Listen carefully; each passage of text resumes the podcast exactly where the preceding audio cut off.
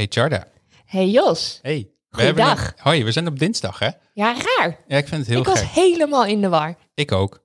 Gisteravond nog met jou zitten bellen. Ja, want jij dacht dat het helemaal niet door zou gaan op de Nee, dus ik had ook allemaal andere dingen bedacht. Ja, maar dat ge- eh, Heb ik weer... gelukkig kon dat even opnieuw inplannen allemaal. Precies. Dat- Ik denk dat het komt omdat Michiel een keer heeft afgezegd. Van super. Ja, Ja, ja. van super. dat klopt. Dat, dus daarom is alles in de keer. war. Nee, twee keer. En toen was het hele schema door de war. Ja, dus daar hebben we nu nog steeds last van. Maar, maar nu, zitten we, nu zitten we dus zeg maar... eh, dit is officieel weer op het schema. Ja, Maar nou we volgende week ook weer één. we zijn aan het inhalen. Ja, we zijn een inhaalslag aan het maken inderdaad. Oké. Hey, eh, we zijn ook live op eh, Clubhouse. Zeker. Ja, Wij zijn En- echt hipsters, hè? ja, ja. En Martijs, hallo. Hallo, buongiorno. Hallo, kijk hier. Live, op luisteraar. Hij kan gewoon meepraten in de uitzending. Ja, echt Ja, bizar. Jorik, hij Ja. kan meepraten in de uitzending. Oké, hey Martijs, dankjewel dat je meeluistert. We gaan, eh, we gaan jou weer wegschuiven, want we gaan, eh, we gaan nu zo beginnen. Oké, doei. Oké, doei.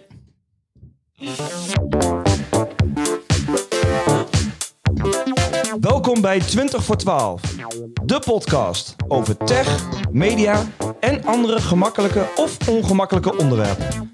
We praten met vrienden van de show die ergens misschien wel iets vanaf weten. Speciaal voor Groningers en daarbuiten ook internationaal beschikbaar via het internet. Dit zijn je hosts Joshua Peper en Tjada Polderman.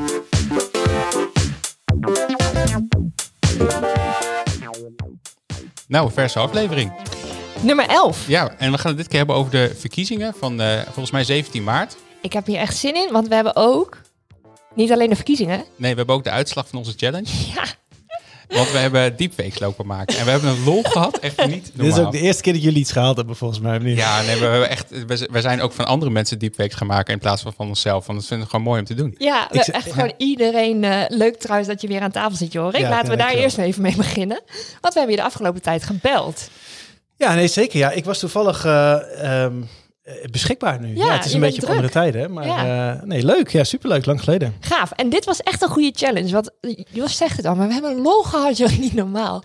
Ja, dat- we zijn, we, we zijn een stukje on- onderzoek gaan doen. En eh, eh, uiteindelijk kwamen we erachter dat het eigenlijk helemaal niet zo heel moeilijk meer is tegenwoordig om Ja, ik, deepfakes het te was, maken. ik weet niet of we alle luisteraars het ook gezien hebben, maar het is echt fantastisch goed. Ja, Twitter kan ging dat? Wel, eh, ja, Hoe we hebben kan op een dit? gegeven moment dingetjes op Twitter gezet. Maar waar, waarvan wij dachten, oké, eh, kijk, Jarno Duursma heeft een deepfake of een digitale avatar van zichzelf. Toen dacht ik, als we dat moeten doen, zijn we wel even bezig. Ja. Maar dit was gewoon letterlijk een app. En dan had je wel de pro-versie. ja wij, hebben Ja. dus de pro-versie. We hebben de pro-versie. nog meer. Dus Ja. een app op je iPhone en Ja. dan... Ja, die heet Reface. Oké. En dan kun je dus allemaal dat soort dingen mee maken van eh, je hoofd in een eh, bekend gifje plaatsen of in een stukje speelfilm of nou noem het maar op, het staat er allemaal wel op. Maar dan moet je je hoofd eerst scannen of zo. Met, Nee, of- je kan gewoon een foto van jouzelf pakken. Ik heb ook een foto van jou van, van, van ja, internet ik zag het al. Ik knapte er behoorlijk van op, eh, moet ik zeggen. En, en ja. dan pak je gewoon een, eh, een, eh, een stuk video en daar plak je hem op. En dan kan je uit hun video kiezen. Maar omdat wij dan de pro-versie hebben, kan je ook je eigen video kiezen. Ja. Dat duurt het een stuk langer. Het is toch echt Eh, fascinerend, toch? Dan kun je gewoon een stuk van de televisie op, op, opnemen met je camera van je telefoon. En dan plak je gewoon iemand anders zijn hoofd eroverheen. En dan, daar zie je bijna niks van. Dat is echt bizar. Ja, dat is echt, het is echt heel bizar. Maar, maar wisten jullie dat het zo makkelijk zou zijn dan? Nee, nee. Nee. want wij zaten, ik, ik, ik was al helemaal onderzoek aan het doen van de neurale netwerken binnentrekken. En, en, en nou, dan moeten we dat allemaal gaan doorrekenen. En weet ik het allemaal. Is dat wel Misschien- lekker te coderen weer? Ja. Nou, dat, dat, wa- dat was zeg Ja. maar de hoek waar ik een beetje op zat. Want ik had al wel eerder met van die appjes geknoeid, maar die kwaliteit was niet eh, op orde. Maar ehm, ehm, eh, nu we een tijdje verder zijn, want het is nu inmiddels twee jaar oud of zo, de Ja. deepfake. Ja, ja. Eh, dan kan je dat gewoon als je zo'n eh, iPhone hebt met zo'n eh, neural network core aan boord, dan eh, gaat het gewoon echt super, su- super snel. En, dan, en dan maak je een foto van jezelf, je uploadt een foto van iets wat in je telefoon ja, ik, staat. ik- nou, zal ik het letterlijk laten Ik zien? wil het hoe graag zien. gaat? Ja, ik ben heel benieuwd. Dus eh, even kijken hoor. Ja, want je hebt dus in de App Store kun je gewoon op dat soort apps zoeken.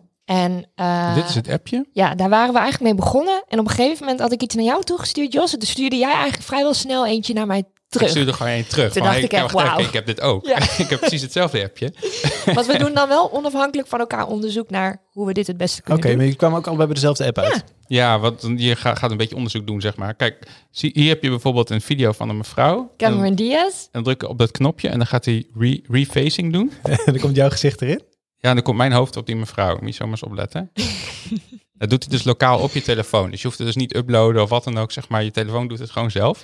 Maar zijn dan, die, zijn dan die video's die erin staan, zijn die van tevoren al zo bewerkt dat het daarom zo snel gaat? Of hoe, Ja, daarom gaat het heel snel. Zij doen al een soort eh, stukje pre- pre-processing. oh, hij doet het niet. Oh. Nou, goede demo weer. echt. Maar wacht, ik heb er wel ik wat denk een dat ik ook liever naar Cameron klaarstaan. Diaz kijken. Eh, kijk, deze was van... eh, eh, ik laat hem even aan jou zien. ja, die van Harry ja, Potter. Die, die was ik van Harry. Potter. Maar die had ik op Twitter gegooid. Daar kwamen echt en mensen zeiden van... Wow, dit, dit is is wel echt echt goed, heel hè? goed gedaan. Maar die van Bellen en het, eh, en, het, en het Beest was het mooiste. Die van jou. Nee, die van jou. Van die nieuwe Bellen en het Beest. Oh, die heb ik niet gezien. oh, ja, ja, ja, die heb ik ook nog. Ja, die was ook goed. Jeetje, waar heb ik die in opgeslagen? Ik heb zoveel mensen... Mijn hele telefoon staat ook vol met, met refaces van andere mensen. Ja, want als je het trucje eens één keer doet. Kijk, het is dat je nu Ja, naar de, naar, de, naar de, naar de, naar de dit ben ik ook. Maar dit is dus eigenlijk Emma Watson. Jeetje, fascinerend. Alleen met hè? mijn gezicht. Maar dat ben jij toch gewoon? Dat dat zou je, ja, als Ik je de film nog nooit hebt gezien. Ik lijk wel zo'n... eh, alsof ik er helemaal nergens verstand van heb. ik, ik- ik vind het gewoon fascinerend hoe goed het is. Ja, nou dat vonden wij dus ook. Dus ja, het, ik, eh, nou, ik, ik, ik was echt zo van, nou, dit wordt een leuke uitdaging en we gaan hier ons eh, helemaal eh, eh, technisch op, op, op- kosten, op, ja. op los. En eh, toen bleek dus na een, een, een middagje en een avondje prutsen dat eh, dit gewoon het allermakkelijkste is en het allerbeste is. Hey, en wat, wat, wa- waar ik nu benieuwd naar ben, hè? want nu is dit zo makkelijk en dit is natuurlijk nu gewoon voor, voor fun. Eh, kun je dit gebruiken, maar wat, wa- wa- wa- hoe gaan we hier eh, toepassingen van zien dan? Nou ja, kijk, de porno-industrie hebben we al gehad. Ja, ja. Dus eh, dat was denk ik de eerste waarbij het eh, eh, eh, aan het daglicht kwam. Ehm, Ik denk dat dit marketing-wise ook wel heel erg leuk is. Als je als organisatie of als merk gewoon dit soort dingen... En dat je dan als klant je eigen gezicht erin kan drukken. ja, precies. Dat je Dat niet je zelf dat een soort- video hoeft te maken, Ja. maar dat je gewoon... eh, ja, Ja. Maar het kan dus ook andersom, hè? Je kan ook TikTok Tammo pakken en een, een, een, eh, en een ander videootje ervan maken. En die is ergens anders opzetten en eh, dat soort Ja. grappen allemaal doen. Dus dat je het gezicht van TikTok Tammo pakt en in, in, bijvoorbeeld in je eigen video's gebruikt. Zo. Bijvoorbeeld, ja. Ja. Dus dat, het kan ook een beetje de andere kant op gaan. Dus dat je dus... eh, eh, Dat je een influencer niet meer hoeft te betalen. Maar niet meer... Nee, dat, Oh, echt? Ja, dat in krijg je principe dus ook. zou dat kunnen. Ja, dus ik verwacht wel dat daar wel gewoon een business achterweg komt. Ja. Maar het gemak is wel echt... Ja, het gemak is enorm. Ja, het wordt gewoon steeds makkelijker. Ja. Ja. En zit dan die techniek in die app of zit dat in je telefoon? Of waar, wa- waar zit dan de... ehm, wa- wat kan dat dan zo goed? Zit dat in dat appje ingebouwd? Het zit in dat appje, ja. En ik kon ook op ehm, Android kon ik weinig apps vinden die dit kunnen. Het zijn vooral allemaal iOS-apps. Ja, precies. Dus er zit waarschijnlijk iets in, in iOS met facial recognition of zo, wat zo goed werkt, Ja. waardoor je dit soort eh, dingen makkelijk kan maken. Goh, nou bijzonder. Cool, hè? Ja, heel cool. Dus dat was eh, onze Nou, knap gedaan. challenge. Ja, dit, Goed gelukt, dit was jongens. de leukste challenge tot nu toe. Ja, nice. Ik ben heel trots op jullie. Dankjewel Dus, eh, dat we het hebben gehaald. Ja, dat is fijn. Dat is gewoon de eerste. Nee, nee, nee. Ik heb ook die met de Nokia's, eh, heb ik ook Ja, die heeft Jos gehaald. Oh, ja, ja, oké. Ja, maar de eerste waar we echt al allebei heel veel plezier in hadden. Ja. Ja. Ja. Oké, nou top. Goed, ehm, Jorik, als jij eh, plaats kan maken voor Ja, zeker. geestje, dan... eh, Veel plezier, jongens. Dankjewel, dankjewel. Jorik. Dat is blauw. Ja, die doe ik even naar beneden voor het ge- gerommel. Ehm, want we gaan het over de verkiezingen hebben, Tjarda. Oh, wacht. De schuifjes Je hebt mij ook gemute. Dank je? Jos. Dan zitten de kleurtjes verkeerd. Mis- misschien heb ik niet zo heel veel te vertellen over politiek, hoor. Dat kan ook. Ja, we gaan het hebben over verkiezingen. Ja, want Hoe, eh, eh, volgens mij is het 17 eh, maart is het verkiezingen. Ja? Klopt dat? Ja, toch? Ja? Ja, Ja. want wij hadden ons opgegeven voor een stembureau. Maar we mogen allebei niet. Wij, mochten, wij wouden stemmen tellen Ja. of meehelpen op het stembureau. En eh, toen hadden ze al genoeg mensen. Dus, Dus ik- toen- wij nee. voelden, voelden ons toen knaplillig. Maar we hebben wel twee mensen aan tafel die eh, ons hier helemaal over kunnen bijpraten. Ja, dan eh, begin ik even links van mij. Geeske de Vries, welkom. Dank je. Eh, jij bent een, eh een import Groninger. Klopt. Je bent origineel een eh Friesin, maar je komt uit Leeuwarden, dus dat hoort niet echt bij Friesland. Klopt. Ja. Eh, maar je woont hier al tien jaar. Je was eh, vroeger ondernemer met terugvorderen.nl. En daar maakte je eh, hele goede vrienden met huurbazen volgens mij. Ja, klopt. Ja, met, dat ging over be, bemiddelingskosten, terugvorderen en zo, Ja, toch? Voor huurwoningen inderdaad, bij makelaars die kosten terugvorderen, dat mocht niet. Betalen daarvan. Nee, dat, Dus, be- eh, nee maar dat, ge- dat gebeurt volgens mij nog steeds. Ja, ik wou waar is jouw bedrijf nu dan?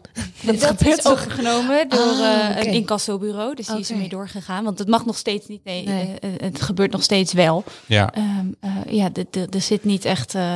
er gebeurt heel weinig als je het toch vraagt, zeg maar. Er is dus een, eh, een, eh, een verdwaalde eh rechtenstudent of iemand die een bedrijfje inhuurt om het terug te vorderen. En als dat niet gebeurt, dan kun je het gewoon nog steeds blijven vragen. En dan, Ja. nou ja, het, het levert nog steeds een hele hoop geld op natuurlijk. ja, dus een beetje hetzelfde verhaal als met die vliegtuigtickets. Als je het ticket wordt uitgesteld met meer dan 24 uur of zo, dan Ja, kun je ook een deel geld terugkrijgen, maar dat doet ook helemaal niemand. Nee, nee, Nee, nee, klopt. klopt. Ehm, even kijken, je bent uh, skileraar geweest in Oostenrijk. Klopt ook, Ja. ja. kijk, we kunnen allemaal dingen over jou Heel vinden. goed. Eh, en je bent sinds eh, 1 januari eh, 2019 eh, eh, raadslid hier in Groningen. Ja. En je bent nu jurist bij Brunel. Dat klopt ook, Klopt ja. ook. En je gamet ook. Dat klopt ook. Klopt ook. Ja. En sinds kort ook mama. Ja, klopt. Het is 30 november. En eh, je bent dus raadslid voor de VVD in de stad Ja, Groningen. ja, hier in de stad, zeker. Welkom. Dankjewel. Eh, en dan gaan we naar jou, Tom. Tom Rustenbiel. En jij eh, woont in De Held. En ik wist niet zeker of jij eh, een import Groningen bent of eh, dat je hier altijd al woonde. Ik kon er niet zoveel over vinden. Ik ben eh, geboren en getogen in, eh, in Groningen, in de provincie Groningen. En eh, sinds uh, na jaren 15 woon ik hier in de stad. Oh ja, oké. En waar kom je dan uh, origineel vandaan? Uh, Veendam. Veendam. Oh, dat is redelijk dichtbij. Ja, dan ben je wel, dan ben je geen import. Nee, ben je geen import, nee. nee. Um, en uh, jij woont nu in De Held uh, met je vrouw en twee kinderen. Uh, je was vroeger marketingadviseur, begreep ik? Ja, klopt. Ik ben begonnen in marketing communicatiefuncties en nu zit ik wat meer richting de public affairs en beleidsbeïnvloeding. Ja, bij het Alpha College. Uh, nee, ik werk voor uh, een zevental natuurorganisaties uh, sinds januari oh. vorig jaar. Oké, okay, dus dan dat klopt mijn LinkedIn-informatie niet helemaal. um, en um, je bent ooit een keer op een studiereis geweest naar China, zag ik. Ja, klopt. Ik heb vijf jaar bij een business school gewerkt en ja, die, die bood allerlei dingen aan. Dat is die van de rug, toch? De AOG? Ja, AOG. Ja. En uh, die bood allerlei uh, cursussen en uh, leergangen aan voor managers en professionals. En een van die dingen die daarbij hoorden was een studiereis naar China. Beijing, Hongkong, Shanghai ben ik als begeleider mee geweest. Een heel toertje even gewoon ook. Een hele ervaring. Wel volgeramde dagen, veel geleerd. heel erg fascinerend, de snelheid van het leven daar. Dus, ja, ja, het is wel heel anders. Hè? Ja, we willen ook nog steeds een episode daarover maken. Maar die wouden we bij voorkeur vanuit China maken. Dus we zoeken nog sponsor. Uh, maar um, uh, volgens mij, dat was het iets van tien jaar terug of acht jaar terug. Goh, dan moet ik, dan moet ik eens even gaan nadenken. Volgens mij ben ik daar uh, inderdaad uh, een jaar of zeven geleden ben ik daar vertrokken. Want ik hoorde dus laatst van iemand, die was tien jaar terug in China en die was er uh, een half jaar geleden weer. En die zei van, ik herken dit gewoon niet meer terug. Het is echt zo ongelooflijk veranderd allemaal weer. De steden zijn zoveel groter. Al die, al die flats die er vroeger stonden, die zijn allemaal weer weg. Het zijn allemaal weer nieuwe en, en ga, ga zo maar door. Ja. Het schijnt echt bizar te zijn hoe snel zij gaan. Ja, ja, we zijn in Shanghai nog op zo'n tentoonstelling geweest van de groei van de stad. Dat vinden wij misschien dat Groningen best wel snel groeit. Ja. Maar Shanghai die is gewoon uh, nou ja, van een paar duizend inwoners rond 1900 gewoon naar een van de grootste steden ter wereld gegroeid. Uh, exponentieel. Ja, bizar hoe hard ze daar gaan. En je hebt gewerkt bij uh, uh, Pijper Media, die we allemaal kennen. Dat is een Gronings uitgever. Die de, en je werkte bij uh, het Wieler magazine daarvan. En dat is ook een van jouw hobby's volgens mij. Zeker, zeker. Ik kon daar mijn hobby en mijn werk uh, combineren als uh, eerste baan. Dus dat was, was prachtig. Leuk, leuk. Dat is een prima begin. Ja. en jij bent fractievoorzitter en raadslid voor D66, ook hier in de stad. Ja. En zo kennen jullie elkaar volgens mij ook heel goed. Zeker. Ja. Ja. Heel veel borrels heb ik ook al net gehoord. Behalve ja. het afgelopen jaar, maar daarvoor. Daarvoor wel. wel ja, ja, daarvoor wel. Hey, um, uh, we hebben verkiezingen op 17 maart, als het goed is. En volgens mij ook al een paar dagen eerder, maar ik weet niet precies hoe dat. Uh, ik kon het nog steeds niet vinden. Ik dacht van, ik ga even kijken van hoe het nou straks gaat met. Hoe ze dat gaan doen met uh, al die mensen naar het stembureau bedoel je? Ja, want het zou uitgesmeerd worden over meerdere dagen, maar nu misschien weer niet. En oude mensen stemmen met de post, maar kwetsbare mensen dan weer niet. En nou, er was allemaal discussie over. Mm -hmm. Dus hoe het nou allemaal gaat, weet ik niet. Maar we gaan in ieder geval wel stemmen. Um, en uh, ik heb de stemwijzer ingevuld, uh, Charda. Ik ook. Dat moest van jou. Ja, nou, ik dacht ja. van, laten we even kijken wat eruit komt. En wat, ja, wat had jij eruit? Oké, okay, ik heb dus een screenshot gemaakt voor het geval dat... Oh, dat heb ik nog niet gedaan. Dat is wel een goeie geweest. Ik had, even kijken... Ja, je krijgt er een top drie. Nou, ik had uh, VVD op één. Keurig. Heel trots, Jarda. CDA op twee en 50 plus op drie. 50 plus? Ja. En je mocht je leeftijd zeker niet invullen? Nee. Nee. Nee, privacy technisch is dat best wel goed gegaan. Ja. Maar wat had jij dan? Nou, ik had, eh, eh, als ik alle onderwerpen mee liet tellen en overal een mening over geven, dan had ik eh, D66 en Volt had ik op 1 en 2. Ja, Volt op 1 en D66 op 2 op de een of andere manier. ja. En toen ik alles ging overslaan wat me niet zo interessant leek, toen had ik VVD op 1 en ehm nou, 2 en 3 weet ik eigenlijk zo niet meer. Dus dat maakt toch uit, hè, hoe je dat allemaal... Nou, heel veel dingen had ik zoiets Ja. van, ja, je kan overslaan of je kan zeggen van ik heb geen mening. Eén van de twee. Mhm. En dat maakt heel veel uit wat je doet. Ja, Viel me op. Dus Ja. eh, uiteindelijk ben ik gewoon toch maar even programma's gaan lezen om te kijken van wat, wat staat er nou allemaal precies. In plaats van die stemwijzers. Dus eh, mijn advies aan iedereen is van eh, kijk ook nog even in de programma's. Ja, en ga je niet ik- alleen blind op de stemwijzers af. ik zat inderdaad ook allemaal te kijken, oké, wat, wat vindt dan die partij daarvan? En ja, dan En moet je er toch wat meer in gaan verdiepen dan alleen afgaan op de stemwijze aan zich. Ja. Ja. Oké. ehm, ik heb niet opgeschreven wie er als eerst mag praten over welk onderwerp. maar eh, de onderwerpen eh, die onze luisteraars heel interessant vonden om het over te hebben, dat was energie. Eh, over onze spoorlijn eh, richting Amsterdam, zodat we een uur in Amsterdam zijn in plaats van eh, drie uur als je Mhm. pech hebt en eh 2,5 uur als je heel erg mazzel hebt. En ehm, eh, de betaalbare huizen, vooral hier in Groningen is dat echt aan de, aan de orde. Want je zei net al, Tom, dat in China daar zijn ze heel hard gegroeid en in Groningen niet zo hard. Maar volgens mij missen we hier nog 20.000 woningen of zo, of iets, iets meer dan dat. Ja, ik zei, Groningen vindt dat, eh, dat het snel groeit, maar, Ja, maar Shanghai was het andere tegen orde. Ja. Ja. ja. Nee, je gaat niet snel genoeg. Nee, gaat niet snel genoeg. En ehm, er waren ook wat vragen over het, eh, de bereikbaarheid van het centrum en de ringweg en eh, eh, dat soort dingen allemaal. Dus ehm, Genoeg om over te hebben. ja, en jullie mochten allebei ook nog een eigen onderwerp inbrengen. En jij mag dan eerst Geeske straks en eh, eh, Tom die mag als tweede. Helemaal goed. Oké, nou energie. Ehm, hoe gaan we dat oplossen? Dan begin ik even met jou, Tom, want het is echt een typisch D66-onderwerp, begreep ik. Eh, de energietransitie. Wij moeten eh, in eh, 2050 op nul zijn. Maar de ambities zijn al wat eh, om dat wat eh, eerder voor elkaar te hebben. En, eh, ik, eh, en wij vroegen ons een beetje af van hoe gaan we ervoor eh, voor zorgen dat eh, we daar eh, gaan komen in 2050 hier in Groningen en omstreken. Nou, ik denk dat het goed is om eh, te kijken hoe je energiegebruik kunt eh, beperken. Je ziet dat er nu veel energie zit op het eh, nieuw opwekken van energie. Maar als je het niet verbruikt, dan eh, hoef je ook niet zoveel duurzame energie op te wekken natuurlijk. Dus dat zou denk ik eh, oplossing 1 moeten zijn. En verder eh, moeten we kijken naar, eh, ik denk ik, eh, aan voorkant niks uitsluiten qua energiewinning. En je moet eh, denk ik eh, ook heel eh, slim clusteren als je bijvoorbeeld gaat kijken naar zon en wind zodat we eh, ook eh, het, de landschappelijke kwaliteit van de provincie, dat we die, eh, dat we die voor het, in het oog houden. Het wind op zee is natuurlijk echt een vlucht, heeft het genomen. Al, al wind en ook zon. Vroeger had je daar subsidie voor nodig. Ja, dat gaat nu, dat gaat nu echt, echt snel opgepakt worden. Dus je ziet nu dat er heel lang over gepraat is, maar dat er nu wel meters gemaakt worden. Ja, dan gaat het ene windpark naar de andere gaat open volgens mij nu. Ja, zeker. Dan zeker. wordt de energie weer verkocht aan de grote datacenters. Dat is dan wel een dingetje. Ja, zeker. Nee, Ja. dat zei ik. Hè. Je moet ook je energieverbruik eh, beperken. Mhm. Tegelijkertijd datacenters ook interessant. Hè. In Groningen gaan we het warmtenet verwarmen met het datacenter waarop Cernica staat. Dus dat is een eh, circulair systeem. En eh, ik denk dat dat soort oplossingen, dat dat gewoon echt de toekomst is. Dat we gewoon geen restwarmte verliezen. Maar dat als, er- als er dan zo'n datacenter komt, dat die ook ervoor zorgt dat we de huizen mee kunnen verwarmen. Ja. Dus je moet echt naar een gesloten systeem toe. Oké, en jullie sluiten niks uit, zei je. Dus ook geen kernenergie en inkoop van energie uit het buitenland, wat eh, misschien minder, eh, minder groen is, of certificaat energie of dat soort dingen. Nou, we, we sluiten niks aan om eh, te komen bij een groene toekomst. En eh, kernenergie, daarvoor heb je voorlopige miljarden subsidies van de overheid nodig. Als je dat eh eh, wilt. Het is een hele dure oplossing, begreep Ja, ik. zeker. Dus wij zijn niet principieel tegen kernenergie.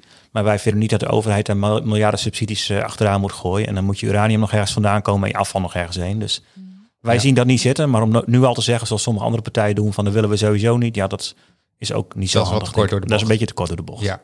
En jij, eh, Geeske? Of de, namens de VVD dan? Nou, ja, ik pretendeer niet helemaal namens de VVD te spreken, maar eh, eh, eh, nou ja, wa- wat wij eh, als VVD belangrijk vinden is dat, dat, dat het in ieder geval niet meer per se een links thema is. Want eh, het is voor iedereen belangrijk dat we naar een duurzame toekomst gaan en daar is de VVD ook heel erg hard mee bezig. Ehm, eh, en, wat wij vooral belangrijk vinden is dat we niet kijken naar hele korte termijn oplossingen allemaal. Zoals inderdaad de provincie volgooien met eh, hele hoge grote windmolenparken. Eh, maar dat we kijken naar wat is, wat is er nou ook daadwerkelijk duurzaam naar de toekomst toe. En als je gaat kijken naar inderdaad het verbruik van energie, en dat blijft enorm groeien, dan ontkom je niet aan meer dan alleen maar wind en zon, want daar redden we het gewoon niet mee. Dus je moet op allemaal verschillende eh, eh, nou ja, eh, soorten van energie gaan inzetten. Ehm, waarbij inderdaad kernenergie voor de lange termijn absoluut noodzakelijk is. Eh, maar daarnaast eh, eh, net zonnepanelen op daken belangrijk. Ehm, eh, eh, je, je moet met z'n allen kijken naar wat, wat wil je op de lange termijn? Hoe gaan we het op de lange termijn redden? En niet alleen maar naar korte termijn oplossingen kijken.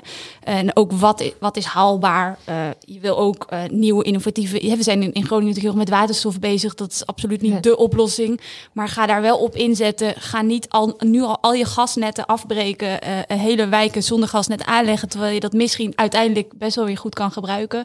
Misschien ook niet. Misschien gaan we waterstof wel alleen maar voor industrie gebruiken. Dat kan. Maar hè, ga, eh, zet in op de lange termijn. Eh, nou, daar, daar zijn wij zeker mee bezig. Dus we hopen ook echt dat we met alle partijen nou ja, kunnen kijken naar, een duurzame, naar duurzame oplossingen. En niet alleen naar korte termijn oplossingen. Oké, dus wat, wat jullie aangaat, zeg maar, is het ook zo dat jullie sluiten ook eigenlijk niks uit. Als er een goed alternatief eh, komt ergens voor, dan is het prima.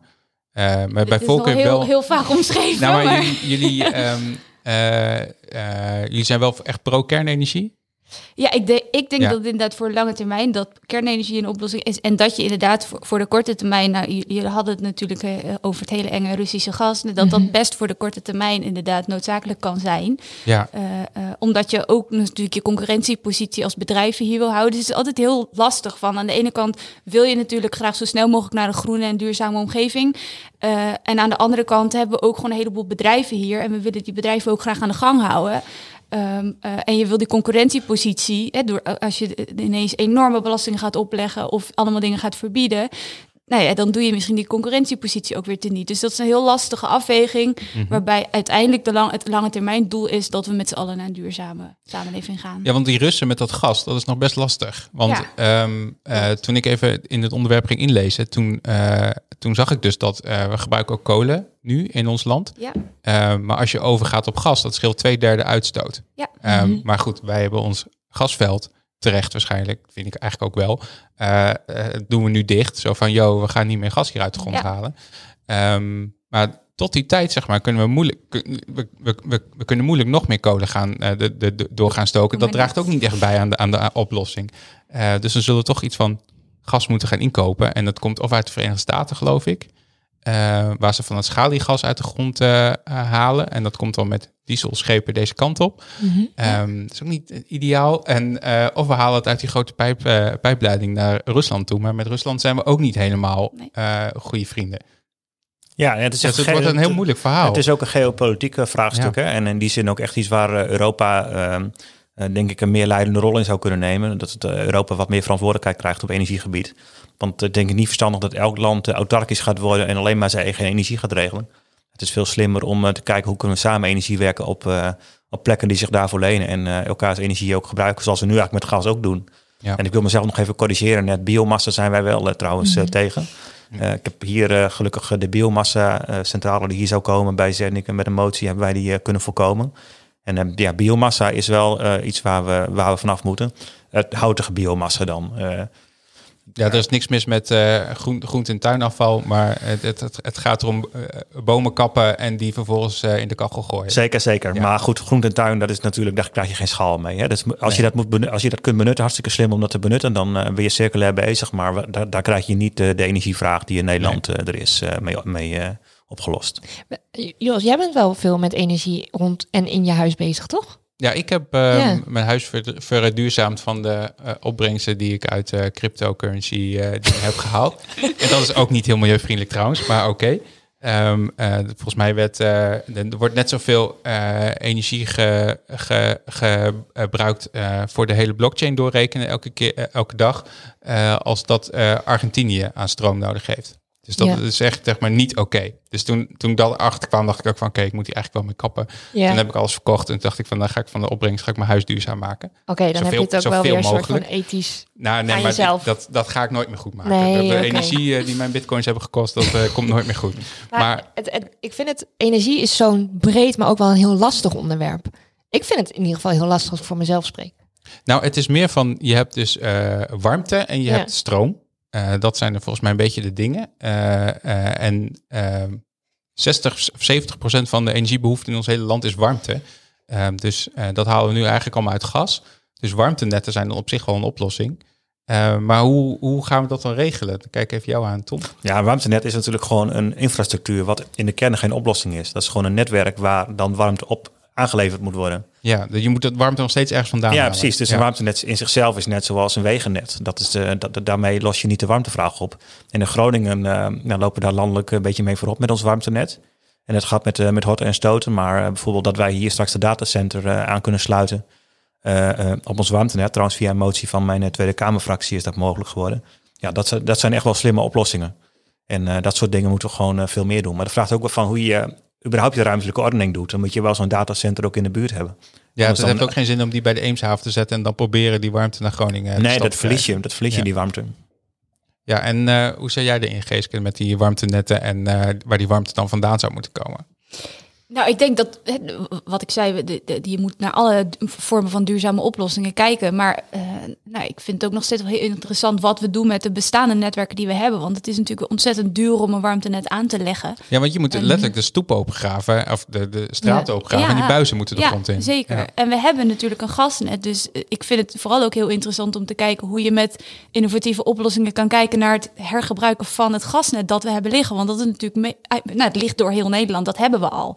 Dus het zou heel mooi zijn als we daar ook in de warmtevoorziening toch, nou, in de energievoorziening toch iets kunnen doen.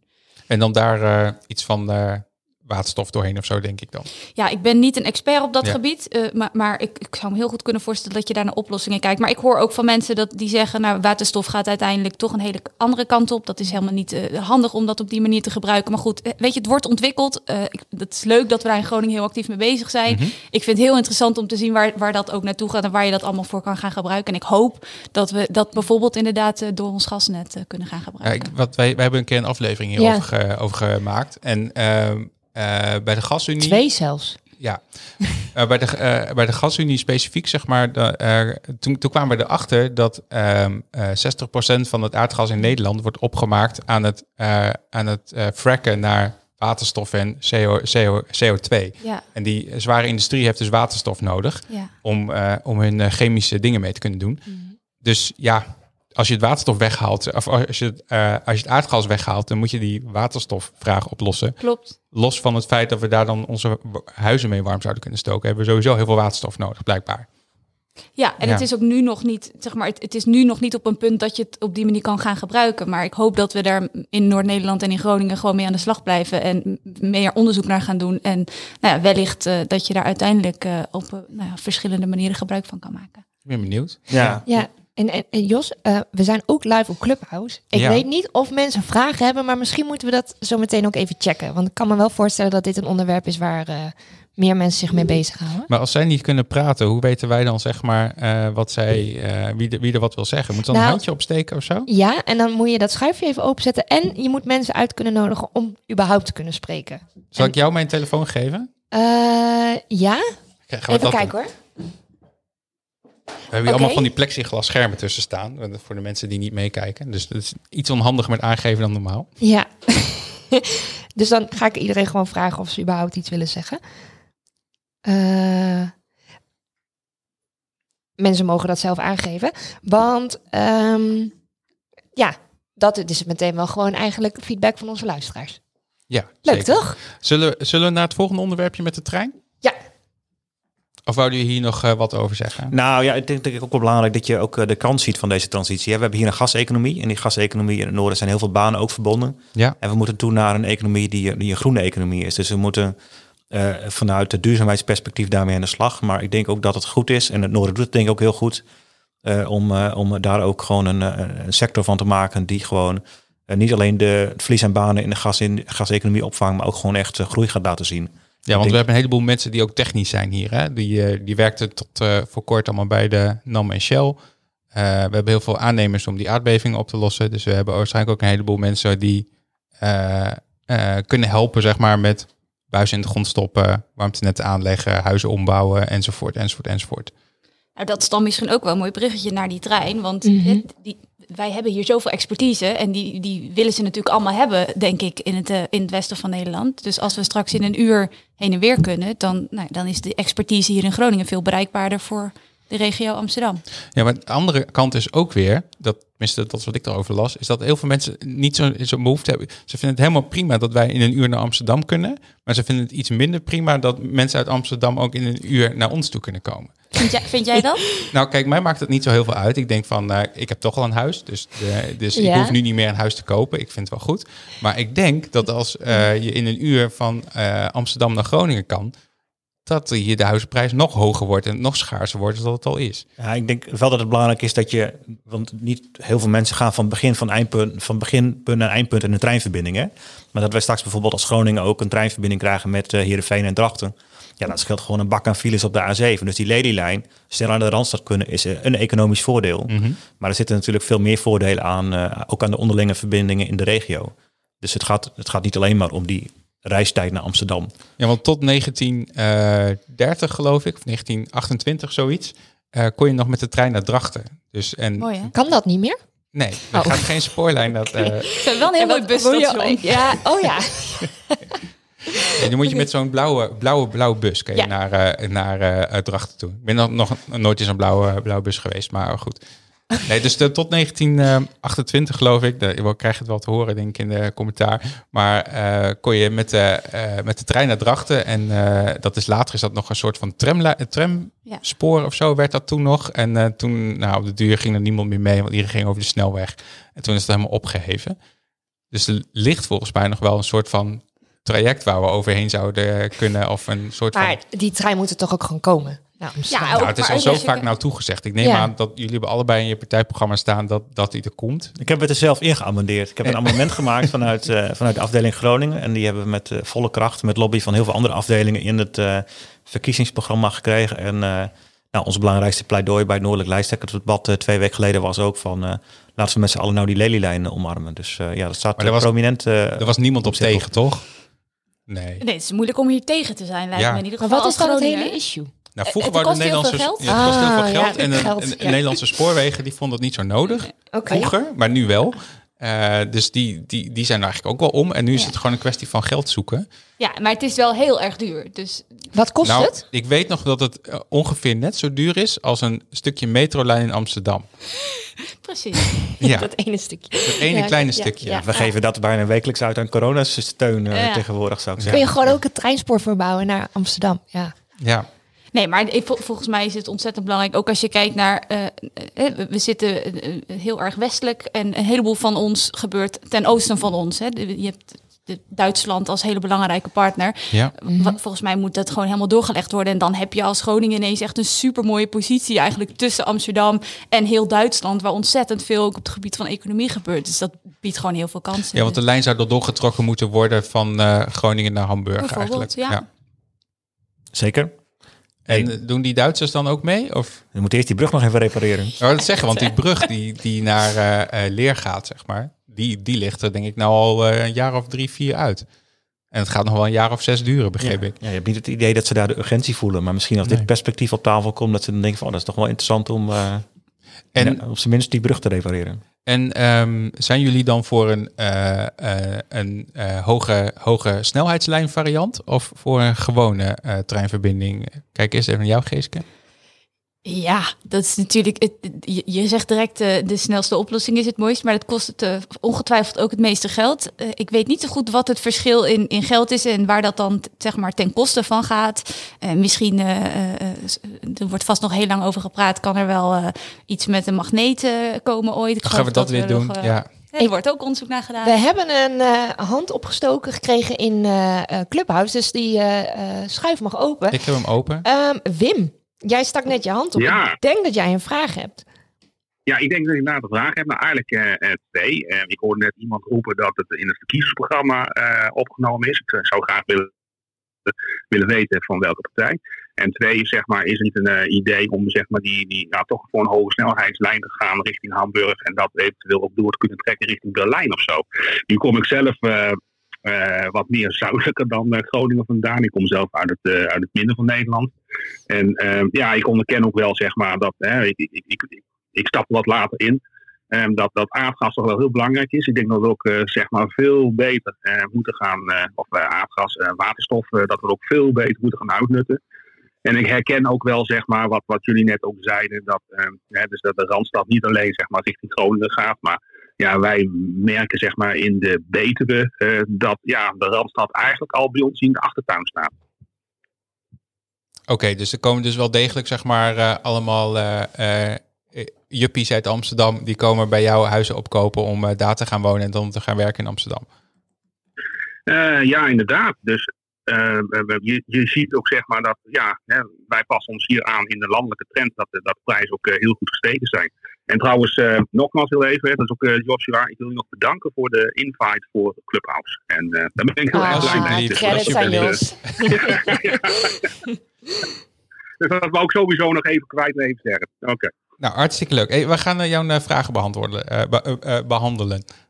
Als jij het antwoord weet, Jos, mag je Nou, het ook ik, zeggen. ik weet het niet. Nee, ik ga het, eh, ik ga het even vragen aan eh Geeske. Hebben jullie het in het verkiezingsprogramma staan? Wij hebben in het verkiezingsprogramma staan dat we naar een aantal verschillende opties gaan kijken. Dus het staat er nog niet zo hard in als het moet er komen. En dat Eh, hebben jullie wel, toch Tom? Ja, ja, wij willen ons inzetten voor die lelielijn. Er zijn meerdere Ja. opties, maar die lelielijn is voor ons wel de favoriete verbinding. Ja, want, want Oh, Wim vroeg zijn net ook van, oké, routes ook nog. ja, eh, die- even, ja. even nog voor de samenvatting. Sorry, Eh, ja. eh, we hebben D66 en VVD aan tafel. Want Mhm. dat was net ook de vraag. Oh, ja, dat heb ik toch een. Ja, dat heeft hij gemist aan het begin. Ja. Dat zal het zijn geweest. Ja. Dus in beide staat het in het verkiezingsprogramma. Nou, nee, niet. Ja, hebben- hoor, het staat in beide verkiezingsprogramma's benoemd. Alleen Ja. er staat bij ons niet, er ligt volgend jaar een lelielijn. Maar er ligt dat we ons daarvoor gaan inzetten en mee aan de slag gaan. Want het, het is, wat ons betreft zijn er nog meerdere opties eh, eh, nou ja, die, eh, die geld willen. We kunnen ook een lucht, luchtbrug doen, net als vroeger, vanaf Eelde naar Schiphol. Vroeger kon je drie keer per dag met het vliegtuig Ja? van Eelde naar Schiphol. Ja. Ja, dat, als we het dan over bizar. milieu hebben en zo. eh, Ik wou ja. maken mensen daar gebruik van? Daarom is die er waarschijnlijk ook niet meer. En die was er, nee, die was eh, tussen, eh, het was niet Schiphol, het was eh eh, Eelde en Rotte- Rotterdam. Zodat de mensen die eh, directeur waren bij eh, PTT eh, Telecom, die dan verhuisd was vanuit eh, de overheid vanuit eh, Den Haag naar Groningen, dat die toch gewoon in Den Haag konden blijven wonen en dan elke dag gewoon met een vliegtuig heen en weer gingen. Daar was het voor. Maar dat is een heel ander verhaal. Oké. Ja. Ehm, even kijken, wat waren de vragen nou? Ehm, nou ja, die ik heb onthouden was of het in het verkiezingsprogramma stond. Ja, dat is dus beide? zo. Ja. En eh, of die niet inderdaad door moet naar Berlijn. En verder. Hamburg, Berlijn. Ja, ik denk het wel. Maar Ja. dat is niet alleen bij ons. Kijk, wij kunnen hem doortrekken tot eh nieuwe, nieuwe, Nieuwschans. En dan volgens mij eh, dan het stokje overgeven. Dus dat zal dan eh, uitgebreid gelobbyd moeten worden. Ik denk dat Hamburg wat dichterbij is en ook een logischer traject dan nu al naar Berlijn eh, te kijken. Maar, eh, ja, Maar loopt er niet gewoon een snelle treinverbinding van Hamburg naar Berlijn? Ja, ik weet het als je- niet. Als je eenmaal in Oldenburg bent, dan kun je best wel snel naar Hamburg. Alleen dan moet je wel vanaf Groningen en Oldenburg op snelle manier kunnen komen. Ja, ja oké. dus als je daar maar heen kan. Oké. Nee, duidelijk. En, en ehm, eh, wat zou er nog in de weg kunnen staan om, om, om die spoorverbinding aan te leggen? Ja, geld, ruimte, andere ambities. Ja, maar als eh, discussies iedereen over grond, eh, bruggen, eh, infrastructuur. Ja, Ja, maar dat loopt nu. Het, het- volgens mij volgt hij eigenlijk gewoon het eh, traject van de, van de snelweg richting Amsterdam, toch? Nou, nee, niet per se. Want dan zou je ook via Jouren moeten. Terwijl je eigenlijk van Drachten naar Heerenveen eh, wil. Hè, dus korter. En eh, dan naar eh Emmeloord, denk ik, Lelystad. Dus dat is niet helemaal eh, parallel aan de snelweg. Oké, ja, ik ben niet zo. eh, ik weet niet precies waar alles ligt. In Nou, we zitten nog niet in de fase dat die ontworpen gaat worden hoor. Maar dit is in elk geval Ja. de, de eerste dinglijn. Ja, en er was nog een alternatief mogelijk, geloof ik, via. ehm, eh, eh, dat hij toch nog bij dat stukje bij Zwolle langs moest. Nee, er is ook een discussie over versnelling van de bestaanspoor. hè. Oh, Dus, dat eh, was het, ja. Ja, ja. dat, we, dat we daar met een eh, snelle trein overheen Ja, zouden daar gaan. kon dan eh, 10 minuten of 20 minuten gevonden worden, geloof Ja, ik. ja, een nadeel daarvan is, is dat het gewoon eh, ook heel duur is, omdat de grond, eh, zeker in Zuid-Drenthe, heel erg instabiel schijnt te zijn. Om die treinspoor daar zomaar aan te pakken. En Als je de huidige treinverbinding aanpakt eh, om hem te versnellen, dan heb je hem echt bijna een jaar uit liggen. En dat, eh, Oh, dat is ook wel even een dingetje. We hebben over dit stukje ook nog een vraag van eh, Bart Breij. Dus als jij dat schuifje weer omhoog zou Oh, willen Bart wil ook wat Ja, vragen. dan kan Nou, ik Bart wat... Hey Bart, ehm, het klopt dat we je net Hey, niet hoorden. goeiedag. Eh, want we werken met de roodkast daar. En eh, ja, je microfoon stond net op Ik, stil. had- ik had je schuif niet open, Bart, sorry. Nee, ik, ik had nog niet zoveel gezegd, maar waar ik vooral benieuwd naar ben, is een beetje, hè, er wordt nu heel erg gespeculeerd dat het voor een, woon, eh, eh, een woningstroom, een stroom van mensen naar Groningen gaat zorgen. Nou, als huizenzoeker in de stad en een behoorlijke krappe markt hier, is dat natuurlijk een, soort angst. Nu is er een restvraag van, eh, van 7000 woningen in de stad Groningen tot 2030. Eh, en die zal daarna ook nog wel duren. Tom, geeft, is het, is het bekend wat zo'n lijn gaat doen voor, eh, voor de inwonerstroom naar Groningen toe? Ja, wel lastig, want in Frankrijk zie je dat allerlei steden die aan de TGV eh, zijn eh, komen te liggen, dat die steden enorm gegroeid zijn. En die steden zijn echt verstedelijkt, alleen dat waren ja, plekken die eerst middelgroot waren. Dus je ziet wel dat zo'n treinverbinding enorm aanzwelt. En in ontwerpen die zijn gemaakt om die lijn rendabel te maken, hebben we vooral ook groei van Drachten, eh Heerenveen en Emmeloord nodig. Om genoeg capaciteit te krijgen voor die verbinding. En ik, heb de doorkijkje van Groningen heb ik niet helemaal eh, voor de bril helaas. Nou ja, en als je zegt, eh, we gaan voor die dailylijn, die ligt er niet in 2022 en ook niet in 2023 en waarschijnlijk ook nog niet in 2030. Hè, dus als wij weten dat die eraan komt, dan kun je er ook als gemeente eh, eh, aan gaan werken. En dan kan je de hele provincie bij betrekken. Ik bedoel, er ligt natuurlijk genoeg om de stad Groningen wat goed bereikbaar is, waar ook mensen zouden kunnen gaan wonen. Ehm, eh, dus dan is dat iets waar je als gemeente gewoon mee aan de slag moet om ervoor te zorgen dat er voldoende woningen komen. Maar jullie zijn dus niet eh, eh, bang dat er zeg maar nog meer mensen vanuit Amsterdam naar Groningen komen om eh, hier voor minder te wonen. Nou, weet je, de woningprijzen in Groningen zijn het punt niet. Ik denk dat ze vooral zich zorgen moeten maken in Drachten. Want dat ligt zeg maar nog dichter bij Amsterdam dan. Ja. En daar kost een woning volgens mij de helft van wat het hier in Groningen kost. Ik vind, nou, over woningen gesproken, dit gaat mij dus wel aan het hart. Ja. Want- dankjewel Bart voor, je, voor je inbreng. Oké, Bart is, heeft opgehangen volgens mij. nee, Bart is er nog wel, maar zijn microfoon staat uit. Oké, nou ik doe het schuifje dicht. Doei Ja, Bart. is goed. want, want dat vind ik serieus. Kijk, mijn broer die woont in Amsterdam-Zuid. Wat je daar betaalt, dat, dat slaat echt helemaal nergens op. Maar ik had dus nu net bedacht, eh, ik wil ook wel ergens anders wonen. En ik woon aan het Noorderplantsoen. Je woont toch in Pijzen? Ja, oké, een gedeelte van mijn... Bijna de hele week woon ik tegenwoordig in Pijzen. Maar ik heb dus nog een woning aan het Noorderplantsoen. Maar Nee, die je- heb je niet, die huur je. ja, die huur ik. Ja. Maar als ik nu ergens wil huren voor onder de 1000 euro...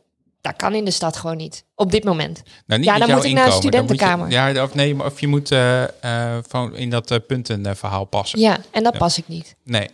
Maar heel veel mensen passen dat niet. En als ik een beetje kijk naar de mensen om me heen van mijn leeftijdsgroep, die hebben allemaal hetzelfde issue. Ja. En dat vind ik echt wel schijnend. Dat er gewoon nog steeds mensen die als een starter op de markt zitten, ehm, in, in een studentenhuis wonen. Of, of in ieder geval een soort van, nou ja, verkapte studentenwoning. Eh, en, en niet de, het kapitaal hebben om een huis te kopen. Ja. Ehm, en eigenlijk ook niet het kapitaal hebben om op de vrije sector te gaan huren. Want je betaalt je helemaal schil aan die huur. En je, betaalt, je verdient waarschijnlijk net te veel om in aanmerking te komen voor een sociale huurwoning. Ja, waarvoor je trouwens ook heel lang op de wachtlijst moet staan. Dus ja, dus Ja, je valt echt tussen ook wal al, en heb- Ook al schip. heb je het lage inkomen, dan nog krijg je geen huis. Omdat het er ook, ook veel te, veel te, veel te weinig was. wachtlijst. Nee, dus Ja. dat, gat, Ja. dat gat tussen de sociale sector en de vrije sector is heel groot. En het gat moet opgevuld worden. Het is Maar, niet, meer- het is ja, niet meer, hoe? ja. Nou ja, ik denk bijvoorbeeld dat, eh, dat we eh, woningcorporaties meer ruimte moeten geven. Financieel, maar ook beleidsmatig. Om ook voor het middensegment te bouwen. Als het Ja. een maatschappelijke eh, opgave is om betaalbare woningen te realiseren. Of dat die nou wel beschikbaar zijn. Dan denk ik dat het een goed idee is om die woningcorporaties daar meer, meer ruimte in te geven. Maar die woningcoöperaties zijn toch juist net een beetje teruggedrukt in van jullie fun- functie is om van die eh, huurwoningen van maximaal 700 euro te bouwen. Nou ja, er zijn natuurlijk een paar jaar geleden wat incidenten gebeurd met woningbouwcorporaties. Waardoor ze beknot eh, zijn. Ja. Uh, maar ja, je ziet natuurlijk wel dat uh, het idee van een betaalbare woning nu anders is dan tien jaar geleden. Dus ik denk dat het ook heel gerechtvaardigd is om anders naar de rol van zo'n bijvoorbeeld zo'n woningbouwcorporatie te kijken. En wat hebben jullie in je, uh, uh, wat hebben jullie in je ver, ver, verkiezingspro, pro, uh, pro, pro, pro, programma staan, zeg maar, dat dat in Groningen beter zou gaan? Nou ja, bijvoorbeeld dat corporaties weer meer financiële ruimte krijgen om te investeren. En dan niet alleen voor het sociale segment, maar ook voor het, uh, voor het middensegment. Ja, oké. Okay. Dus die winsten die ze maken en dat uh, lenen voor, uh, voor niks. Sterker nog, ze krijgen een beetje geld bij, geloof ik, als ze lenen. dan eh, kunnen ze daar die eh, eh, woningen voor bouwen die, die je kan kopen voor, laten we zeggen, een eh 2, 2,5 ton. Ja, en het is vaak ook een vliegwiel voor eh, projectontwikkeling. Hè. Als een woningbouwcoöperatie mee gaat doen in een eh, wijkontwikkeling of in een nieuwbouwproject, ja, dan wordt het voor particuliere eh, ondernemers wordt het ook weer interessant om mee te doen in die investering. Dus dat, is een, dat versterkt elkaar enorm.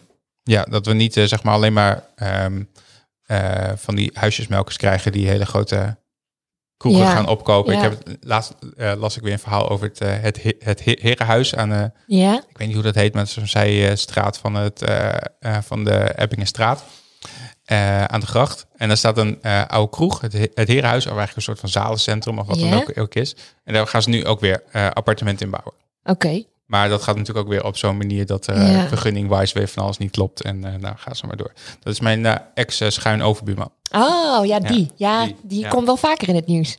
Ja, nu Ja. die eh, weg is uit Groningen, Ja. komt hij nog steeds vaker. Ik heb Dat toevallig vorige week nog vragen over gesteld aan het college over de ontwikkelingen bij het Herenhuis. Ja, ik, eh, ik las het inderdaad. Ja. Ja. Ja, het is een beetje dubbel, want op zich is het gewoon... ehm, dit soort partijen, particuliere partijen, die creëren die woonruimte omdat die woonruimte nodig is. Hè? Dus het is ook niet zo dat dat een... Ja, het, eh, is een vra- het is een vraag-aanbod verhaal natuurlijk. Ja, nee, precies. Ja. Dus je kunt, eh, je, kunt, je kunt niet zeggen van doe dat allemaal maar niet. Want dan hebben we die 14 appartementen ook niet daar gerealiseerd gaan worden. Hoeveel, of hoeveel het er ook waren.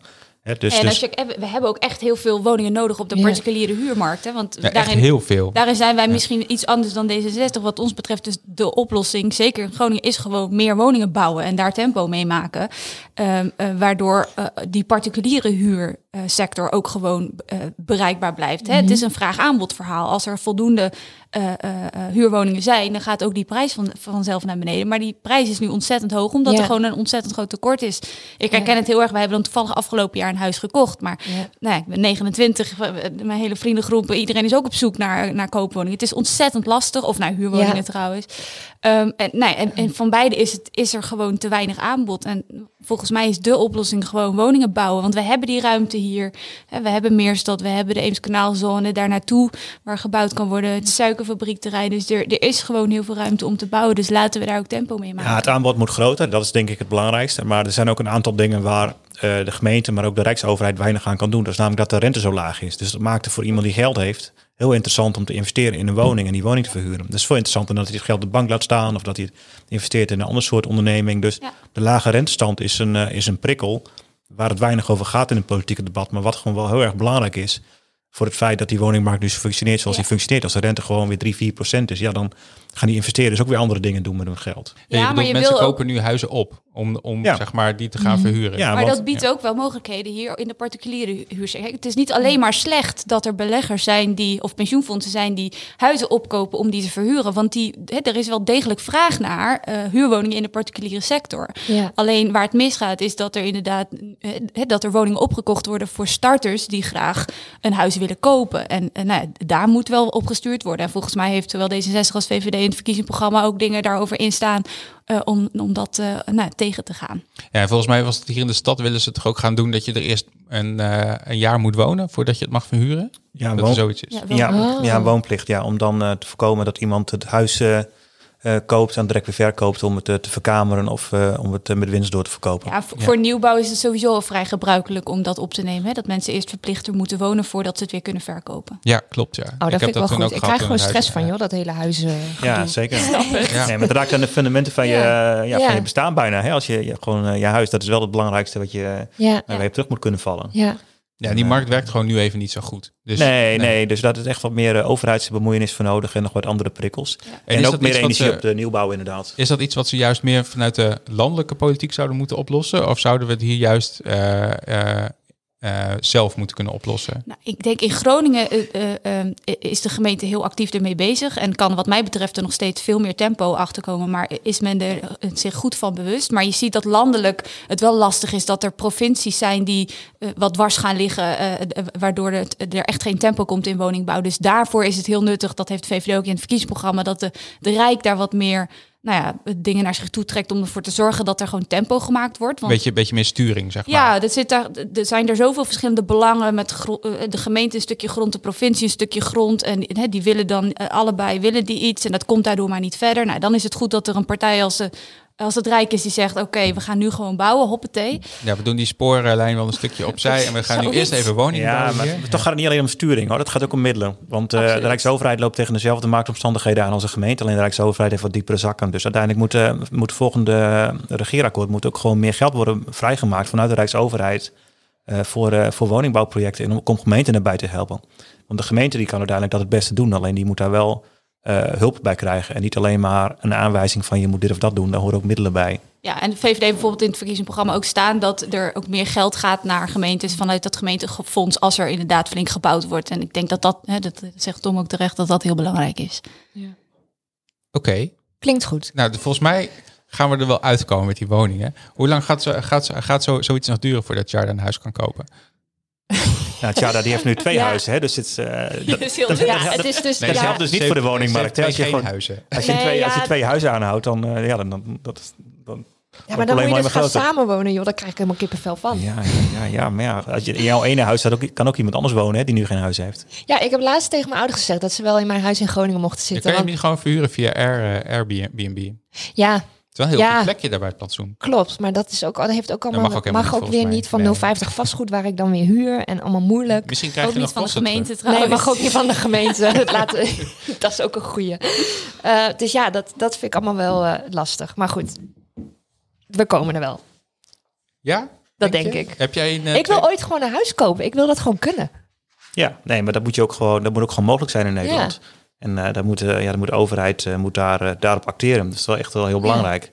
Ja, Ja. ja. mee eens. Ja. Heel erg mee eens. Nou, dan moeten we denk ik ook eens kijken naar de hypotheekrenteaftrek. Dat is bij heel veel andere partijen altijd een taboe in Den Haag. Maar die houdt ook de prijzen kunstmatig Ja. hoog. Hè? Dus als je dan Ja. een huis hebt, is dat hartstikke leuk. Maar dat zorgt er wel voor dat het gat tussen koop en huur heel groot wordt. Ik, eh, We ik geven de vijf- we geven- aan te aftrek trouwens. Ik We geven er als 35 miljard eh, per jaar aan Ja. uit. Hè? Dat is eigenlijk een subsidie op de koop. En door die subsidie op de koop wordt het huis, wordt het huis weer duurder. Waardoor het voor starters weer moeilijker wordt. Dus dat is een heel erg dom systeem. Mhm. Wat, eh wat alleen maar geld eh, rondgepompt wordt. Wat ergens anders voor gebruikt kan worden. Dus eh, het zou mooi zijn als de VVD D66 daarin ondersteunde om daar eh, komaf mee te maken. Volgens mij wordt daar ook al wel het een en ander in gedaan de komende jaren. Eh, maar uit- ook daar blijft, eh, op het moment dat er voldoende woningen zijn voor starters, dan is dat natuurlijk helemaal geen probleem meer. En is het gewoon een, is het een stimulans voor mensen om inderdaad een woning te kopen. En die af te lossen en kapitaal op te bouwen en enzovoort enzovoort. Ja, dat, op zich werkt het wel. Als, het, als, het, als er weinig woningen zijn, dan werkt het niet meer. Nee, precies. Dus daar, nee, maar daar, daar, daar, daar, gaat, daar gaat iets mis in de markt. En dan moet de overheid daar ook eh, eh, mee aan de slag. Ik bedoel, het is niet zo dat, dat, de, dat de overheid helemaal niets moet doen. Die is marktmeester. Dus die Mhm. moet aan de slag en ervoor zorgen dat, dat dit goed komt. En dat er voldoende woningen komen. Zodat het hele systeem dat we met z'n allen hebben, dat dat weer werkt. Oké. Ik heb hier laatst ook met Wilbert over geappt. Die vindt er zometeen vast ook nog wel iets van. Ja, we gaan Wilbert zo wel even bellen, want die is eh Die zit al eh, klaar, hè? Oh, zit hij al klaar? Ja, hij is er. Kunnen we hem erin schuiven op... eh, eh, Hij is in eh, onze room op Clubhouse. nou, doe ik even omhoog. Hey Hallo. Wilbert. Hi. Hallo? Hi, hi. Hey. Hey, jij bent onze eh, Clubhouse junkie, toch? Of niet? Ja, jij krijgt, jij krijgt twintig keer per dag zo'n melding dat ik weer in een room zit, denk ik. Ja, ja, ja. Ik krijg dat echt heel vaak. Dat ik denk van, en nu, eh, nu is, eh, laatst zat je weer in een room dat je geen marketingtips wou. Ja, vandaag. Ja, ja, dat was, ja, dat was wel grappig. Jarno kwam daar ook in. Dat ging natuurlijk over Eelco en, en al die lui die een e-book willen verkopen. Ja, Eh, Ja, want het op, is een soort van- het is een soort van- Dat is wel een beetje wat mensen lastig vinden aan Clubhouse. Ja. De Boer heet hij volgens mij en Jarno kent hem. En het ging in die groep natuurlijk ging het over Eelco, maar het ging eigenlijk over elke denkbare e-book verkoper. En toen ging Jarno eh, eh, ja, proberen uit te leggen wat hij er nou eigenlijk van vindt. Alleen toen eh, iemand had een van de soundboard en er ging een drie keer doorheen. Toen was Jarno weg. Dus, jammer. hey, maar, maar Wilbert, weet jij nog dat wij laatst aan het appen waren ook over het hele eh huizen-issue binnen in de stad? Want ja, wij waren het daar wel heel erg met elkaar eens. Ja, zeker. Dat weet ik nog. Ja, nou, het is wel. Ik heb net, natuurlijk een beetje meegeluisterd. Ik zit Mhm. ook bij mijn sociëteit te drinken, dus niet heel erg. Ehm, maar het is natuurlijk wel een beetje raar. Ik, ik woon zelf net onder de 1000 euro trouwens, maar, maar niet veel. Eh, nog een paar verhogingen en ik zit er overheen. En ja, dat is best, best wel veel geld voor in je uppie. Ja, ja, en dat, ja, en het zorgt uiteindelijk natuurlijk niet voor, maar dat is hetzelfde als dat nu door corona uiteindelijk heel veel kleine ondernemers ermee gaan stoppen. Het zorgt voor minder levendigheid in de stad en, en een, eh, eh, ja, meer, meer, meer van hetzelfde. En meer mensen die het allemaal wel kunnen betalen. En die wonen dan bij elkaar in de buurt. Ja, toch ook wel saai. En daar moet je toch denk ik wel iets tegen doen. Krijg je dan een beetje hetzelfde wat ze in Amsterdam hebben van die juppie-buurten? Dat je overal buiten de deur koffie moet drinken steeds? Ja, heel vervelend. En allemaal een beanie op hebben en sneakers aan. En een soort van slaapzak van een jas. En zo'n, Dat, eh, eh, ik ben nu in Amsterdam trouwens. En ik zie het overal. hebben ze nog allemaal van die... Dat eh, moeten we natuurlijk als Groningen niet willen. We zijn zoveel beter dan dat. ja, daarom. En hebben ze ook allemaal nog van die, eh, van die eh, eh, knotjes op hun hoofd, of niet? Ik Ja, weet niet, ze hebben een beanie op, coronakapsels. zei ik toch? Dus dat kan je dan niet zien. Maar Wilbert is toch ook best wel hipster? Wilbert is heel erg hipster. Dus hij doet nu net alsof hij niet hipster is, maar dat is hij gewoon wel. Nee, ik was, ik was dat allemaal al voordat het zeg maar weer trend werd. Ik sta al heel Ah. lang gewoon op één punt in de trend. En nu is, de cirkel, is de cirkel gewoon waar, waar ik al heel lang ben. Ja. Oké. Hebben we nog wat eh, op de... Jazeker. We hebben nog Ja. een inbrengonderwerp van de Ja. VVD en we hebben nog een inbrengonderwerp van eh, D66. En eh Geeske, jij mag beginnen met het onderwerp dat je nog even aan wil snijden. Nou, ik dacht, eh, laat ik even bekijken wat dan voor, voor hier eh, interessant is, waar de VVD iets over zegt. En dat is de eh, nou, economie en ondernemen. Dat is natuurlijk ook waar de, waar de VVD heel erg mee bezig is. En voor staat, waar iedereen de VVD ook van kent. En ehm, nou, wat ik wel interessant vind, is daar hadden we het eigenlijk voor de show ook even over, is dat, dat we dat, dat ehm, de wetgeving altijd heel erg achter de feiten aanloopt. Zeker als het gaat om digitale economie. Dus dat we wat betreft digitalisering heel erg achterlopen. En ik vind het wel heel tof dat de VVD daar actief mee bezig gaat en wil. Eh, als het gaat bijvoorbeeld om data. Hè, data is eh, eigenlijk een soort nieuwe vorm van kapitaal, maar wordt helemaal niet belast tegenwoordig. Eh, maakt ook, je kan data ook overal neerzetten. En VVD wil ermee aan de slag dat data ook daadwerkelijk zoveel mogelijk in Europa gestald wordt. En dat je op die manier ook belasting kan heffen over data. Dus ik vind het nou, tof dat, dat VVD daarmee aan de slag is. En je mag toch nu, nu niet je data overal stallen? Tenminste, ik probeer altijd alles in de Europese Unie te houden, omdat ik dacht dat het nu al niet mocht. Nee, maar je, je- eh, het gebeurt wel heel veel. Het gebeurt wel. En ja, nee, het er gebeurt echt ook- heel veel. Er wordt Ja. ook geen belasting over geheven of heel weinig Nee. of niet. Eh, eh, en nou ja, het, het is een nieuwe vorm van kapitaal waar ons belastingssysteem eigenlijk nog niets van snapt. Ehm, dus ik vind het heel goed dat, dat we daarmee aan de slag gaan. Ehm, w- wat ook nu in deze coronatijd denk ik interessant is, is eh, dat we ehm, eh, naar een gunstige werkkostenregeling gaan. Het is nu best wel ongunstig om te investeren in eh, thuiswerkplekken voor je personeel en eh, ehm, eh, scholing. Dus dat daar meer geld voor beschikbaar wordt gemaakt. Nou, ik denk dat dat eh, onderwerpen zijn die eh, ook voor hier wel eh, interessant zijn. Dus nou, de VVD gaat hard aan de slag met economie en ondernemerschap zoals jullie gewend zijn. En wil jij er nog wat over zeggen, eh, Tom? Ja, ik had ook even nagedacht over wat nou specifiek voor de doelgroep van deze podcast interessant is. En dat is inderdaad, ehm, eh, ja, ik denk dat D66 de afgelopen paar jaar wel de technologiepartij geweest is in de Tweede Kamer. Wij hebben eh, echt scherp oog voor privacy, maar ook voor dataveiligheid. Bijvoorbeeld bij het eh, coronalek, bij de GGD. Ja, daar zijn wij als velste te debatteren over hoe dat allemaal zo heeft kunnen komen. En ook een aantal datawetten waarin gegevens gekoppeld werden. ja, daar hebben wij gewoon tegengestemd in de VVD niet. En je ziet dan ook bijvoorbeeld, de, bijvoorbeeld die toeslagenaffaire. Ja, dat heeft ook eh, heel veel met eh, de bundeling van data te maken. En het anonimiseren van, eh, van personen en op basis van algoritmes eh, mensen aanspreken. Ja, dat is... eh, Ja, of het juist niet anonimiseren van personen, toch? ja, precies. Ja. Of juist discrimineren. Nee, dat, dat is iets waar mijn partij heel scherp op is. En ik denk wat ook eh, belangrijk is voor de technologiewereld, is dat wij natuurlijk eh, vanuit onze onderwijsvisie ook heel erg de, de, de link zien tussen nou, ook het ecosysteem in Groningen bijvoorbeeld. De Hans de Rijksuniversiteit Groningen. Maar ook de dingen die in andere onderwijsinstellingen gebeuren. Ja, dat hoort gewoon heel erg bij het digitale ecosysteem van Nederland en van steden. En juist wij hebben, denk ik, op, het, op, het, op dat complete verhaal, het onderwijs, eh, ondernemerschap, eh, hebben wij denk ik een, eh, ja, al een paar jaar een heel goed, eh, een heel goed cv eh, opgebouwd. Ja, je, maar je moet dan ook wel zorgen dat als er vanuit het onderwijs bijvoorbeeld eh, ondernemingen ontstaan, start-ups, eh, misschien uiteindelijk skill-ups, dat je die ook behoudt voor Nederland. En daarin eh, zie je ook bij de VVD wel dat we ons zijn gaan realiseren dat daar een beetje een andere rol voor de overheid misschien ook komt, waar we eerder echt al vooral investeringen deden in onderzoek. Ehm, nou ja, zijn we steeds ook meer bezig met het investeren in het daadwerkelijk behouden van dat soort bedrijven voor Nederland. En daarin heb je natuurlijk in Groningen, eh, eh, speelt de NOM, de Noordelijke eh, investeringsmaatschappij. Waar staat voor? Ontwikkelingsmaatschappij. Ontwikkelingsmaatschappij. Ja, ja. Speelt daar natuurlijk een belangrijke rol. Die heb je natuurlijk in meerdere regio's in Nederland. Maar dat je op die manier eh, ervoor zorgt dat, er, hè, dat dat soort bedrijven niet opgekocht worden door buitenlandse investeerders, door misschien buitenlandse eh, eh, staten. Eh, maar dat we die ook, eh, die, die, nee, die economie en die werkgelegenheid, dat we die op die manier in Nederland kunnen behouden. Dus dat is ook wel een beetje een andere rol van de overheid dan we misschien eh, eerder gewend waren. Nou is het nog steeds wel vaak zo dat die start-ups, eh, die houden het dan een jaar of vijf, zes vol hier in ons land. En dan verhuizen ze alsnog naar Silicon Valley toe en dan gaan ze Ja, daar maar, maar daar heeft TechLeap natuurlijk, de, organisa- de start-up organisatie Ja. van Nederland onder andere, heeft daar afgelopen tijd ook wel echt heel hard aan de bel getrokken door dat manifest wat ze hebben gedeeld Ja, met... ja. eh, Zo van, ja. eh, stop. Vroeger hadden we zo'n brain, Ja. brain drain vanuit Groningen naar het eh, westen. Nou, dat is Mhm. volgens mij nu niet meer. Maar nu Nee. hebben we dus zeg maar als land een brain eh, drain richting Silicon Valley. Nog, nog steeds. Ja. Dat komt ook inderdaad door die overnamepaden. Dat zo'n grote multinational neemt het over en zegt van verhuis hier maar heen. Sterkte ermee. Ja, dus de inzet Ja. moet wat mij Ja. betreft er ook, en wat de VVD betreft ook echt erop zijn om die bedrijven in Nederland te houden. En bij voorkeur natuurlijk in Groningen als we hier, want we hebben hier natuurlijk eh, zat toffe start-ups. Nou, als we dus die spoorlijn hebben, dan, eh, Helpt dat wel dan zijn we enorm. er zo. Ja, nee, tegelijkertijd is ook Ja. heel veel bereikt al. Hè? Zowel eh, Groningen als eh, IT-technologiestad als ook in Nederland dat gewoon voorop loopt op dat gebied. Dus Ja. het is eh, iets waar, we- wa- waar, we, nou, waar we niet opnieuw aan hoeven te beginnen. Maar waar Nee, we zijn wel lekker, Ja, lekker, zeg, lekker bezig. Gaat mooi. Maar we Ja. moeten wel doorgaan. Ja. ja. Mee eens. Oké. Ehm, nou, volgens mij zijn we wel een beetje aan het einde beland, eh Charda. Ging, ging weer snel, joh. Gingen we heel snel. Ging weer heel snel. Ja.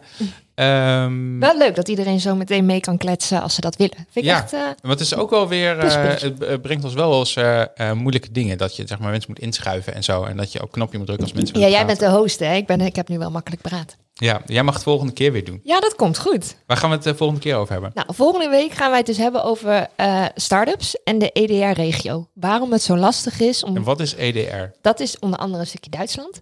Ja. Waarom het zo lastig is om... Maar als- wat, hoezo stukje Duitsland? Eems-Dollar-regio. Ja, Eems dollar regio. dus niet helemaal Duitsland. Ik dacht, ik maak het heel simpel. maar eh, waarom het als start-up zo lastig is om daar via een mentorprogramma toch voet aan de grond te krijgen. Eh, dus dat is niet per se dat de start-up eh, eh, weg moet, maar die wil wel handel, of in ieder geval zaken doen met die regio. En dat schijnt heel moeilijk te zijn.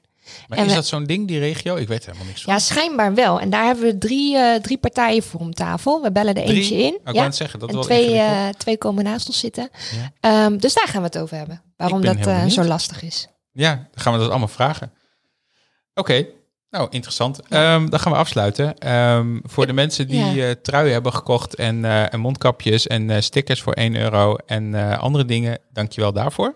Ik heb nog wel één ding. Oh, Nou, we hebben Dimitri ook in de room zitten. En... Dimitri wil ook nog wat zeggen. Nou, nee, ik heb even een vraag aan hem. Dus misschien Oh. wil jij het schuifje ja, ik doe hem opengooien. open. hey Dimitri, wij hebben elkaar gisteravond ook al gesproken.